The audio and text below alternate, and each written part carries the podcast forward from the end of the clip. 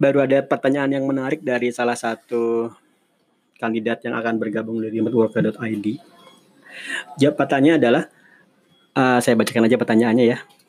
Pertanyaannya adalah, adakah semacam ujian atau exam dan juga ada adakah contoh kasus yang harus diselesaikan?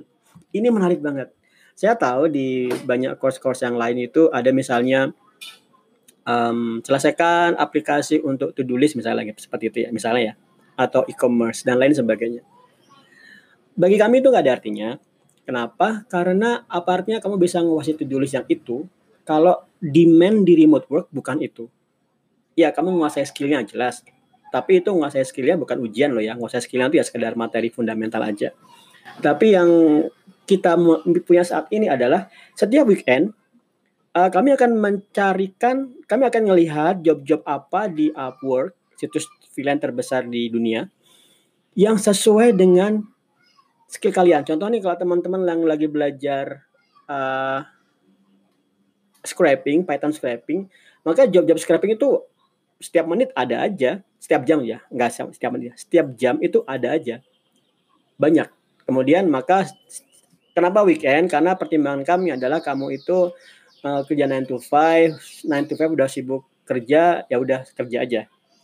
Tapi kalau kamu sudah bisa fokus di remote work dan punya tujuan untuk nembus remote work, maka gunakanlah weekend itu untuk upgrade skill based on real world demand.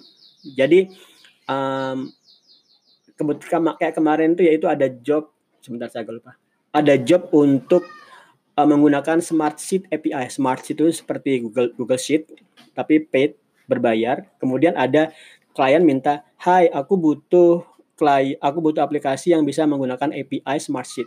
Oke, ini menarik. Kemudian saya pas saya, saya kirim aja di uh, Telegram Messenger kita di grup. Kemudian saya saya tekankan adalah ini weekend pelajarin ini, pahamin dokumentasi kodenya, di permintaan dari klien.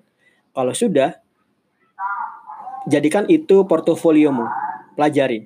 Nah, ini yang saya maksud dengan uh, kita tidak punya ujian exam di mana kamu lulus dapat nilai A misalnya, nggak seperti itu, tapi kita punya real world case di mana kerjain ini karena job ini baru di post 30 menit yang lalu demandnya banyak, dia punya budget 3, 15 dolar per jam.